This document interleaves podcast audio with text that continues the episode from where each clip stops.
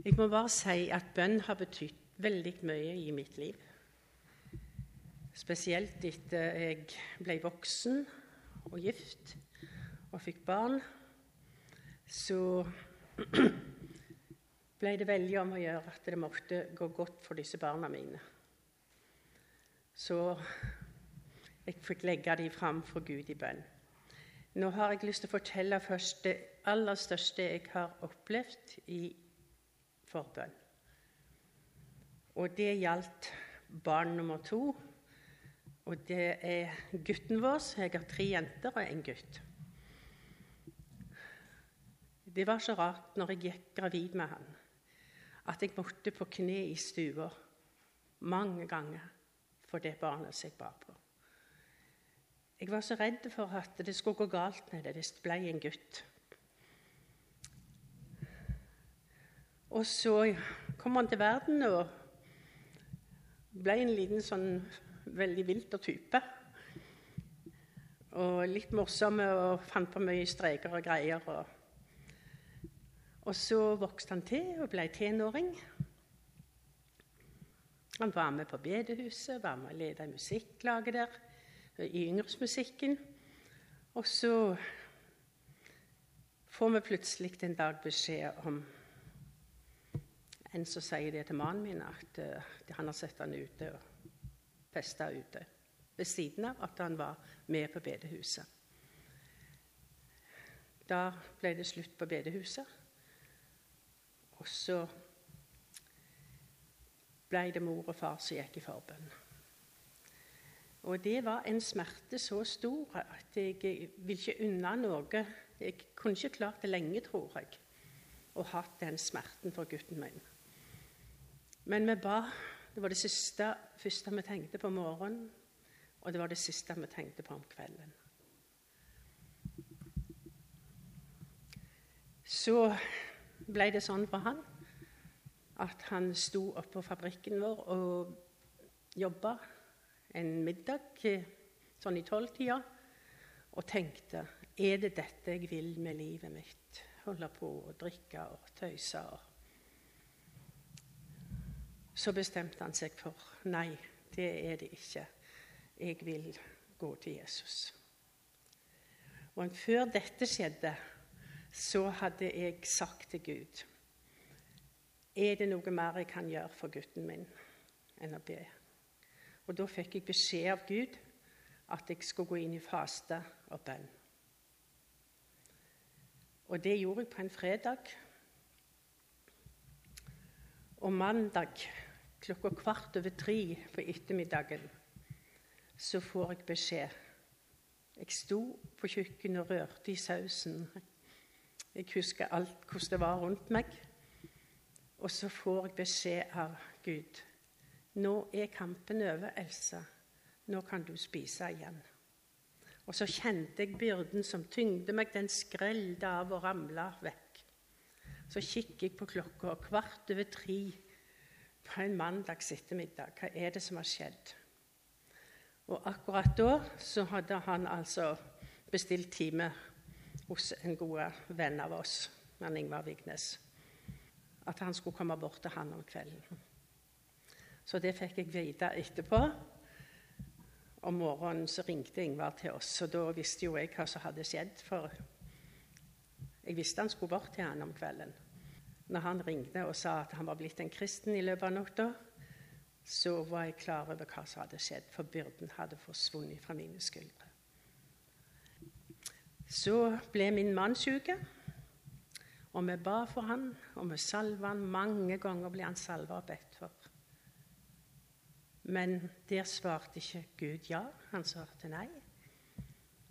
Men midt oppi sykdom og død så var Gud der på en helt spesiell måte. Med sin fred, og jeg tror jeg tar si min, sin glede. Det kan hende både at vi får ja, og vi får nei. Og etter han var gått bort, så fikk jeg løfter ifra Gud. At han skulle være med meg, og han skulle passe på meg.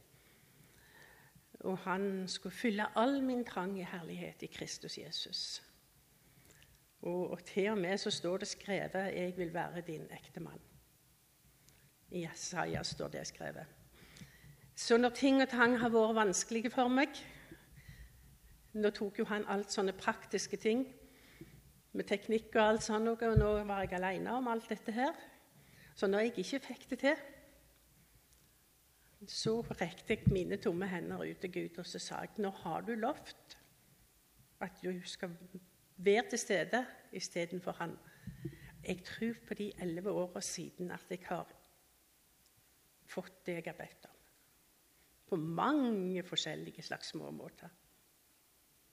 Jeg tenkte da jeg, når jeg skulle ha 70-årsdagen min, så var det bare sånne småting som jeg har opplevd mye av. Så gikk hengsla under vasken på det Ja, hun gikk ifra en annen. Og så tenkte jeg kan ikke ha det sånn i morgen når det kommer folk som skal være med på kjøkkenet. Kjære Gud, nå var det fram med hendene, nå har du lovt. Nå må du komme og hjelpe meg med dette. Jeg tror ikke jeg er dum når det gjelder sånne ting, men jeg fikk det ikke til. Og så gikk dagen, og det ble kveld. Og så kom hun som bodde i kjelleren hos oss, med faren sin på besøk. Med blomster skulle gratulere meg. 'Det er ikke noe jeg kan hjelpe deg med da, Else', sier han før han skulle til å gå. 'Jo', sa jeg. 'Den hengsla på skapdøra på kjøkkenet.' Et par minutter så var det gjort. Så vi skal få lov å legge alle ting i Guds hender, enten det er små eller store ting. Så jeg har jo opplevd mange mange sånne rare småting. Til slutt så har jeg bare lyst til å lese bitte lite grann fra et stykke som tok meg veldig, som jeg leste for en liten stund siden nå.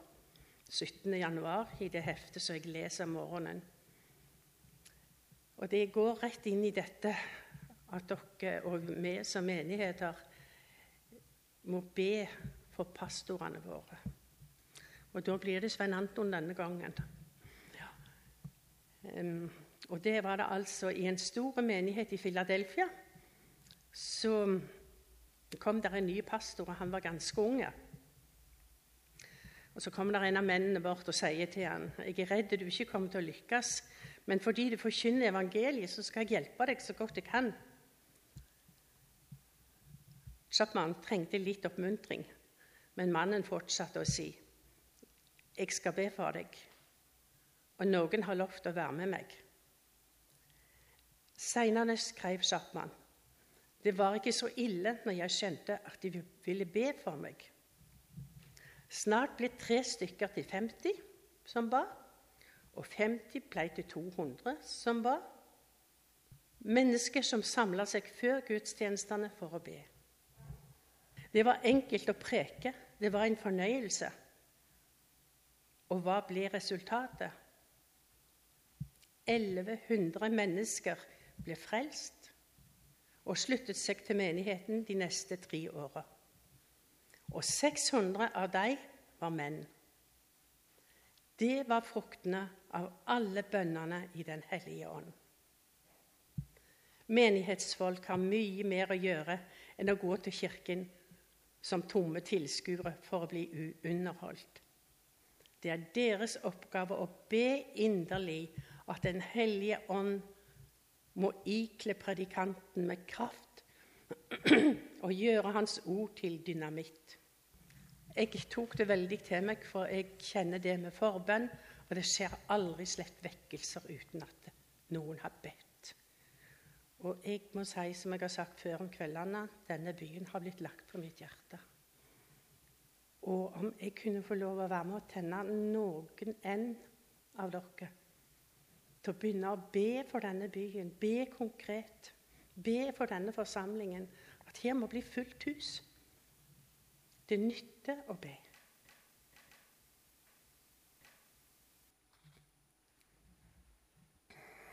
Kraften i bønna. Hva er bønn for noe? Ehm, det jeg kommer til å gjøre i dag, det er jeg skal dele noen tanker omkring bønn. Jeg skal ta for meg det som står om bønn i dette heftet som vi har snakka om. Det er en som heter R.A. Torrey, tror han levde på 1800-tallet, som skrev et hefte der han har inndelt da kraften i disse fem underpunktene, kraften i Guds ord, i kraften i Jesu blod, i Den hellige ånd, i bønn og i et overgitt liv. Så jeg skal prøve å holde meg litt, sånn, være litt skrifttro i dag og holde meg til det han har skrevet, disse punktene. Og så har jeg også noen tanker sjøl som jeg skal dele med dere. Men vi skal starte med to store karer som heter Johannes og Ole Hallesby. Ikke Johannes Hallesby, men Johannes, apostelen Johannes, og Ole Hallesby. Og Den største av dem alle, som er større enn dem, det er jo Jesus. Han sa, 'Se, jeg står for døren og banker. Om noen hører min røst og åpner døren, da vil jeg gå inn til ham og holde nattverd med ham, og han, ved, han med meg.' Det er Jesus sitt ord til ei menighet i Lilleasia for 2000 år siden. Og så bruker Ole Hallesby dette bibelverset for å si hva bønn er. Og jeg vil tro at Hvis vi nå virkelig har tatt håndsopprekning, så, så ville mange av dere rekke opp hånda at dere i hvert fall har hørt om boka, men sannsynligvis også har lest i og kanskje hele denne boka, som heter 'Fra bønnens verden' av Ole Hallesby. Det sies at den er oversatt til ganske mange språk. Det er nok en av de beste kristne bøkene som er skrevet i Norge, som da er eksportert til andre land. Og dette ordet ble på en måte for Ole Hallesby definisjon av hva bønn er. Be, det er å lukke Jesus inn. Altså Jesus banker på, og vi lukker opp og slipper han inn. Det er det som dette ordet sier. Og, og, og Poenget her er at bønn det er, det er Gud som tar initiativet til at vi skal be. Det er ikke vi med vår bønn som setter Gud i gang. Men før vi begynner å be, så har Gud banka på vår hjertedør, og så blir vår respons bønn. Var ikke det flott? Det er altså ikke vi som må sette Gud i gang, men Gud har først tatt initiativet og satt oss i gang til å be. Be det er å lukke Jesus inne. Han banker på, han tar initiativet, han kaller. Og Så sier Ole Hallesby bønnen er sjelens åndedrett. Er det vanskelig å puste? Det er et sånn retorisk spørsmål som det liksom gis bare et svar på. Eller for å spørre sånn Hva er vanskeligst? Er det vanskeligst å puste eller å la være å puste? Det er jo vanskeligst å la være å puste. Og så bruker Ole Hallesby dette som et bilde på bønn. Å be det som å puste. Det er jo faktisk vanskeligere å ikke be. For det er som å holde pusten. Ja, var ikke det flott? Lufta vil inn, og det er vanskeligere å holde henne utafor enn å åpne. Og i bønna så sier Ole Hallesby så holder Jesus nattvær med oss. Nattvær det kan vi si mye om, men her er det bildet med en fortrolig samfunn. Et samvær der det er liksom jeg og Jesus spiser sammen og snakker sammen. Jeg skulle si har det koselig sammen, ja, det håper jeg vi kan ha også, men der vi har et fellesskap sammen. Og Bønn for meg det er gjerne faste bønnestunder, så og så mange minutter kanskje. Men noe av det viktigste bønna for meg det er dette småsnakket. Å gå og småjobbe med Gud utover dagen. Ta en liten prat med ham, noen minutter og sånn. Ja, Gud, jeg lurer på det der også. Det der, Hva betyr det, Gud? Så går du og småsnakker med Gud. Denne fortrolige småsnakket, det at Jesus vil holde nattvær med oss og ha fortrolig samvær. Og Så sier Ole Hallesby at viljen til å be er viktigere enn kraften til å be. Gud spør ikke etter en kraft til å be, men om vi har viljen til å be. Fortrolig samvær. Jeg trenger ikke kraft for å være sammen med kona mi. Kanskje hun trenger kraft for å være sammen med meg, men, men vi må jo vil være sammen. Det er jo det som er det avgjørende. Og Så sier Ole Hallesby at bønn det er to stikkord. Det er hjelpeløshet, og så er det tro. Hjelpeløshet. Bønn er den hjelpeløses siste utvei. Da ber den hjelpeløse. Hørte uh, morgensandakten på NRK i dag, og han som snakka, han, han om at den vanskeligste setningen for oss mennesker å si, det er 'Jeg trenger hjelp'. Hjelp meg, jeg trenger hjelp. Så tenkte jeg nei, han spor først hva tror dere den vanskeligste setningen er å si, og da tenkte jeg med en gang det tilgir meg. tenkte jeg. Men så sa han det er å be om å få hjelp. Og når jeg tenkte etter det, så tror jeg faktisk det er lettere for meg å si til kona 'tilgi meg' enn å si 'jeg trenger hjelp'. Det er lett å si 'jeg trenger hjelp til middag', og sånn, det vet hun, men, men det som for oss mennesker å si til andre 'jeg trenger hjelp', det er vanskelig. Nesten vanskeligere enn å be om tilgivelse. Bare den hjelpeløse kan be. Hjelpeløshetens gave. Snedig. Men så er det jo ikke bare hjelpeløshet. for Tenk om vi bare var hjelpeløse uten tro. Da bare ropte vi ut i løse lufta og hadde ingen plass å sende den bønna eller hjelpeløsheten til. Men tro er jo en retning. Vi har jo en retning for hjelpeløsheten vår. Vi har jo en retning for bønna til den treende Gud. Dersom du tror, sa Jesus flere ganger. Be i tro, står det i Bibelen. Syns du det er vanskelig å be i tro? Dersom du tror? Ja, men det er jo det ikke jeg klarer. Men hva er tro for noe? Er det å få til et eller annet som Gud skal være fornøyd med? Tro det er enkelt og greit å komme til Jesus. Når jeg kommer til Jesus, så har jeg jo tro. Du går jo ikke til noen du ikke har tro til. Ole Hallesby så langt. Det fins mange gode bønnebøker. De er ikke så veldig lange heller. Noter deg fra Bønnens verden, Ole Hallesby. Et kort hefte som jeg la oss en gang i for 20 år siden, det er Arild Edvardsen. Den heter 'Timen som forandrer verden og deg selv'. Og Der snakker han om å rett og slett sette seg som mål å bruke en time hver dag i bønn. Altså Én time klokketime. altså. Ikke bare ha tid med Gud, men sette av en time i bønn. Og Han mente at Jesus brukte iallfall én time hver dag i bønn. Timen som forandrer verden og deg selv. Ganske utfordrende.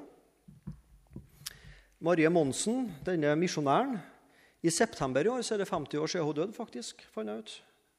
1962 så døde hun.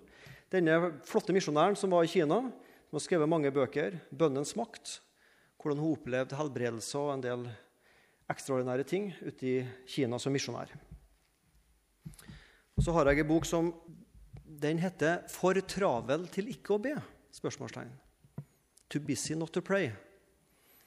Den datt jeg over helt tilfeldigvis for en 20 års tid siden og syntes det var en veldig bra bok. Så sto det at det var skrevet av en engelskmann som heter Bill Hybels. Det, liksom, ja, ja, liksom, det sa meg ingenting. Og Så gikk det jo noen del år, så ble dette med Bill og Creek og Bill Hybels litt mer kjent, også i Norge. Så liksom, ja, Det var jo han jeg leste boka om ti år i forveien. Og Det var ei interessant bok der han utfordrer også på tilvante bønneformer og gir oss en god oppskrift på bønn. og Det skal jeg avslutte med om noen minutter. Skal vi lese litt sammen fra dette heftet? Det er kanskje litt lite for dere. Kraft hører Herren til, men alt som hører Han til, kan vi få ved å be om det. Gud rekker fram sine fulle hender og sier, 'Be, så skal dere få'. Når selv dere som er onde, vet å gi barna gode gaver, hvor mye mer skal ikke da den far dere har i himmelen, gi gode gaver til den som ber ham? Fattigdommen og kraftløsheten hos den alminnelige gjennomsnittkristen finner sin forklaring i følgende ord av apostelen Jakob.: Dere har ikke fordi dere ikke ber. Mange spør hva kommer det av at jeg gjør så dårlig fremskritt i mitt kristenliv. Bønnen blir forsømt, svarer Gud. Du har ikke fordi du ikke ber. Hva kommer det av at det blir så liten frukt av min gjerning, spør mange mismodige predikanter. Bønnen blir forsømt, svarer Gud. Du har ikke fordi du ikke ber. Hva kommer det av, er det mange både predikanter og andre som spør. Hva kommer det av at jeg har så liten kraft i mitt liv og min tjeneste? Og igjen svarer Gud, bønnen blir forsømt. Du har ikke fordi du ikke ber. Be, så skal dere få. Det står ordrett og omskrevet flere plasser i Bibelen. Og Så skriver denne forfatteren Torrey om de første kristne som møtte motstand en masse ja, Hvis du nesten kunne sammenligne det med opprørsbevegelsen i dagens Syria, så tror jeg du nesten har litt sånn, for å bruke en parallell altså. Den motstanden de møtte den gangen, som mange i dag gjør, f.eks. i Syria. Der handler det om politikk og ikke om tro, men du skjønner sammenligninga. De møtte motstand, og de ba, og de opplevde kraft, og mange ble frelst. 3000 på pinsedag. Noen dager etterpå, en uke etterpå så sto det at det var 5000 og antallet økte. Et stort antall ble lydig mot troen. Hver dag ble nye frelst. Hver dag! ja.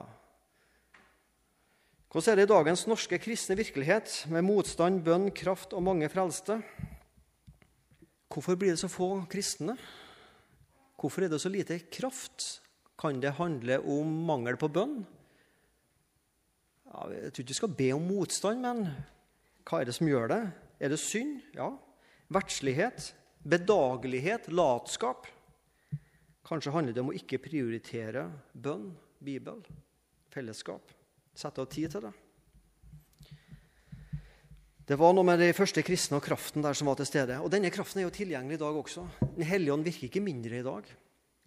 Har ikke gått ut på dato, har ikke rusta i løpet av åra, Den hellige ånd. Kraften er den samme. Bønn krever kamp og tid. Det krever kamp. Jeg tror ingen sann kristen kan si jeg gleder meg alltid til å be. Jeg har aldri opplevd at jeg gruer meg, eller at jeg ikke har lyst til å be. Det tror jeg ingen sann kristen har opplevd. For vi har to naturer. Vi har en natur som ikke vil følge Gud, som ikke vil be, som ikke vil lese i Bibelen. Og så har vi heldigvis fått en ny natur som elsker Bibel og bønn og, og de troendes forsamling og alt dette. Men vi har en kamp mot den onde natur. Og vi har en kamp mot djevelen. Han mobiliserer til motkamp. Og En par plasser i Bibelen så står det bokstavelig talt 'stå djevelen imot'. Stå djevelen imot. Nå skal jeg lese noen eh, setninger fra heftet, så kan vi prøve oss. Det er saftig tale. Det er altså snakk om djevelen som er mot bønn. Det var et mesterstykke av djevelen da han fikk menigheten og predikantene til å legge til side bønnens mektige våpen i så stor utstrekning. Djevelen er fullstendig villig til å la menigheten mangfoldiggjøre sine organisasjoner og sin klokt uttenkte maskineri som skal erobre verden, bare den vil slutte å be. Han ler godt når han ser på menigheten i dag, og han hvisker for seg selv. Dere kan beholde søndagsskolene, juniorforeningene og kvinneforeningene og foreninger av alle slag, sangkorene deres, de prektige orgler, de glimrende predikantene deres, ja, til og med vekkelseskampanjene, bare dere ikke i alt dette bringer inn kraften fra den allmektige Gud, den kraften som søkes og oppnås gjennom inntrengende, utholden, mektig bønn med tro. At den, hellige, nei, at den djevelen hvisker det for seg sjøl. Djevelen er ikke redd for maskineriet, han er bare redd for Gud. Maskineri uten bønn er maskineri uten Gud. Jeg syns her var det setninga med snert i, som sannelig kan få både ansatte og frivillige og engasjerte menighetsmedlemmer til å tenke etter. Ja, er det Guds kraft i det vi driver med, eller bare driver vi et maskineri? Djevelen mobiliserer til motkamp mot bønn. Bønn beveger Guds arm. Nå har han ni punkt, han, og tida går jo alltid fort, så jeg skal ikke bruke så veldig mye tid på det her. Men dette er de ni punktene som denne taleren sier at bønna har kraft til. Bønna har kraft til å gi oss sann kunnskap om oss sjøl og våre behov. I bønna så erfarer vi vår egen maktesløshet. Jesaja opplevde det, Moses opplevde det, Jobb opplevde det. Ja, Peter opplevde De sovna jo til og med nesten. Det var jo det de gjorde. Jesus ba i hvert fall. Man opplever sin egen hjelpeløshet og maktesløshet når vi ber. Men det, sier han Torrey, det er starten på veien til kraft. Vi vil jo ha kraft der vi er, men så sier han du må først erfare din egen maktesløshet og din egen kraftløshet før du kan få Guds kraft. Og det erfarer vi gjennom bønn. Bønna har kraft til å rense våre hjerter fra synd. Og Da er det jo ikke bønna i seg sjøl, men når bønna rettes til Han som kan tilgi. Som David ber i Salme 51.: Vær meg nådig, Gud, i din miskunn. Utslett mine overtredelser etter din store barmhjertighet. David ba om tilgivelse og ble bønnhørt. På den måten så har bønna kraft til å tilgi synd. Gud tilgir ikke synd automatisk. Vi må be om å få vår synd tilgitt. Bønna har kraft til å holde oss oppe og gi oss seier over fristelse. Disiplene i Getsemane be om at dere ikke må komme i fristelse, sa Jesus til disiplene. Be om å ikke komme i fristelse. Be om å bli stående. Og Det var jo akkurat det Jesus ville, at de skulle be. Men i stedet sovna de. Kanskje hadde Peters fall og disiplenes svikt ikke blitt hvis de hadde bedt i stedet for å sove? Bønnen har kraft til å styre vår tunge. Hvor mange ganger har ikke jeg tenkt Gud, jeg skulle ønske jeg kunne ha tida med tilbakevirkende kraft. Har du ønska det? Jeg ønska det mange ganger. Jeg kunne ha liksom trykka ned en spol tilbake-knappen på gamle kassettspillere. Så spoler du tilbake, og så starter du på nytt. Og tider med tilbakevirkende kraft. Gud, sett, stå vakt, Jesus, ved min tunge. altså. Herlighet, hva jeg slapp ut av meg opp gjennom åra. Ja Akk, ja. Bønna har kraft til å bringe oss visdom. Det er jo det Jakob, Jesus sin bror, starter med i sitt brev. Om noen mangler visdom, så bør han reise på teologisk institusjon og studere i seks år.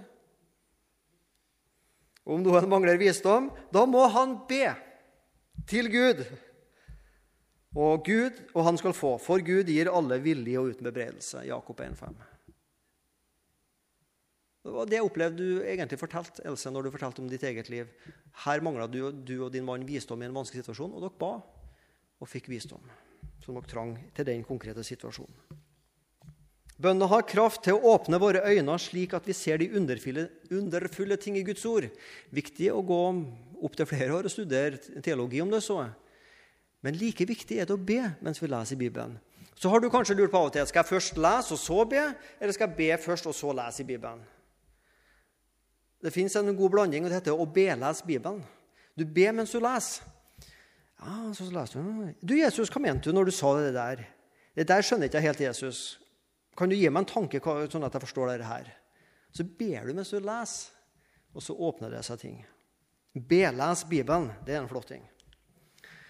Bønna har kraft til å bringe Den hellige ånd inn i våre hjerter og gi Den hellige ånd til den som ber ham.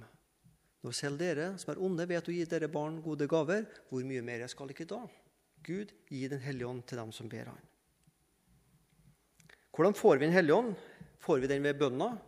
Vi får Den hellige ånd ved dåpen, vi får den ved når vi kommer til tro, omvendt oss, og vi får den ved bønn. Og jeg tror Å be om å få Den hellige ånd når vi er kristen, det handler ikke om å få Den hellige ånd på nytt, for han er jo her allerede, men det at han skal få mer av meg. Det snakka vi om sist at Åndens fylde er ikke å få mer av Den hellige ånd, men at Den hellige ånd får mer av meg. Så bønna bringer mer av Den hellige ånd ut i våre liv, ut i våre hjerter, sånn at Den hellige ånd inntar flere deler av oss. Bønna har kraft til å bringe fylden av Guds kraft inn i vårt arbeid. Ikke bare personlige livet, men også som forsamlingsliv. Vårt arbeid i vår menighet. Menighetens fylde. Da de første kristne opplevde problemer, så gjorde de to ting. For det første så gjorde de en sånn verdslig ting som at de nedsatte en komité. De gjorde det. Det kan vi lese om i Apostelgjerningen kapittel 6. Det ble krangel mellom de gresktalende og de hebraisktalende enkene hvem som fikk mest og hvem som fikk minst ved utdeling av mat. Og det De gjorde da, de satte ned en komité som skulle løse problemet. Og det, ble løst. Så vi må sette ned noen mennesker med kloke hoder sammen men også i menighetsliv, så kan vi gjøre som de første kristne, at det står at de forena seg i bønn. De løfter et samstemmig sin røst til Gud.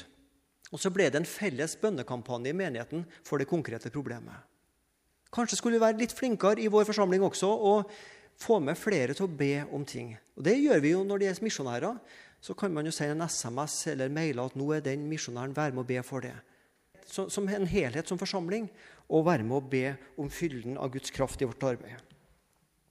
Og Det siste punktet han nevner, det er at bønna har kraft til å bringe frelse til andre. Vi kan jo på en måte ikke be andre frelse, for folk må jo sjøl ta et standpunkt.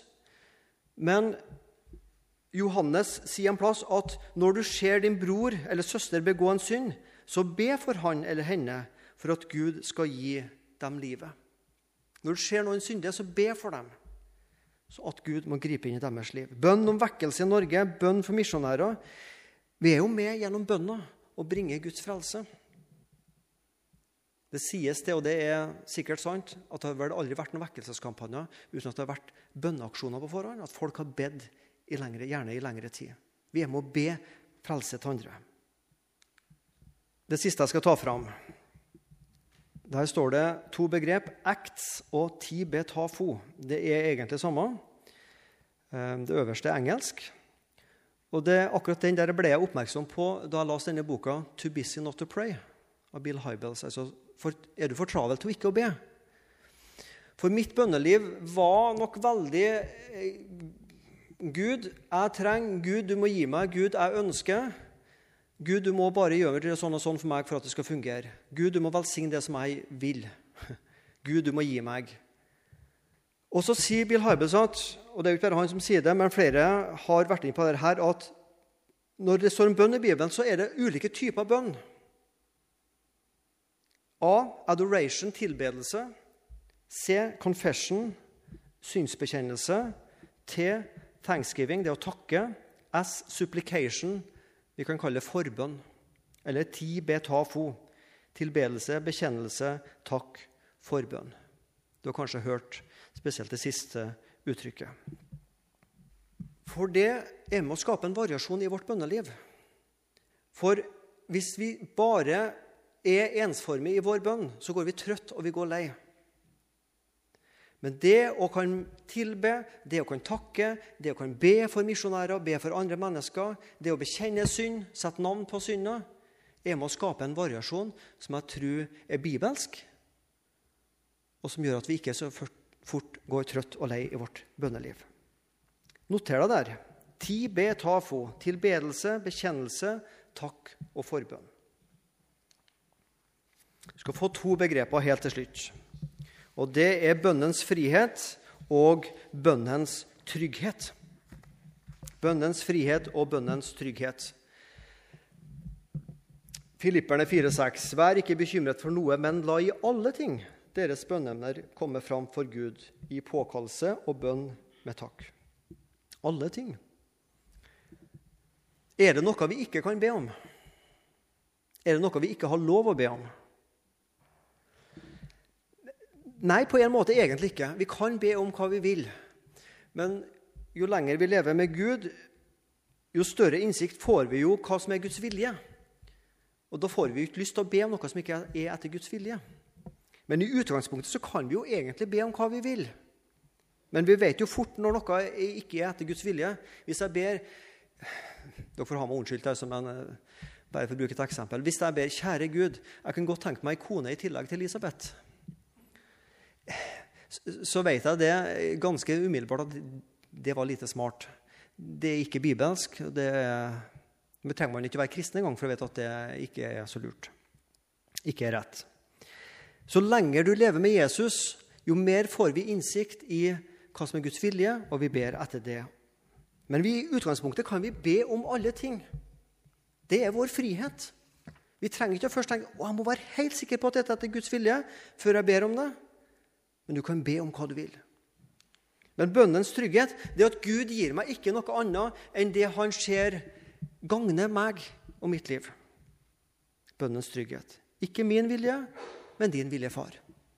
Jesus ba om å slippe. Det var akkurat det han ba om. Det var det han ville. Jeg ber om å slippe, Gud. Men ikke min vilje, men din. Det var Jesus sin frihet i bønna. Jeg ber om å slippe lidelser. Men hans trygghet, Guds vilje, skal skje. Innenfor de to veggene der, bønnens frihet og bønnens trygghet, der lever vi vårt bønneliv. Herre Jesus Kristus, Takk for du er troens opphavsmann og fullender. Takk for du er bønnens opphavsmann og bønnens fullender. Du er bønnens mål, du er bønnens initiativ, du er bønnens innhold, og du er bønnens retning. Og vi ber i ditt navn, Jesus. Vi takker deg og priser deg, vi tilber deg, vi bekjenner vår synd, og vi ber for hverandre og for misjonen Jesus. Kom og fyll oss, sånn at vi blir bønnemennesker. Amen.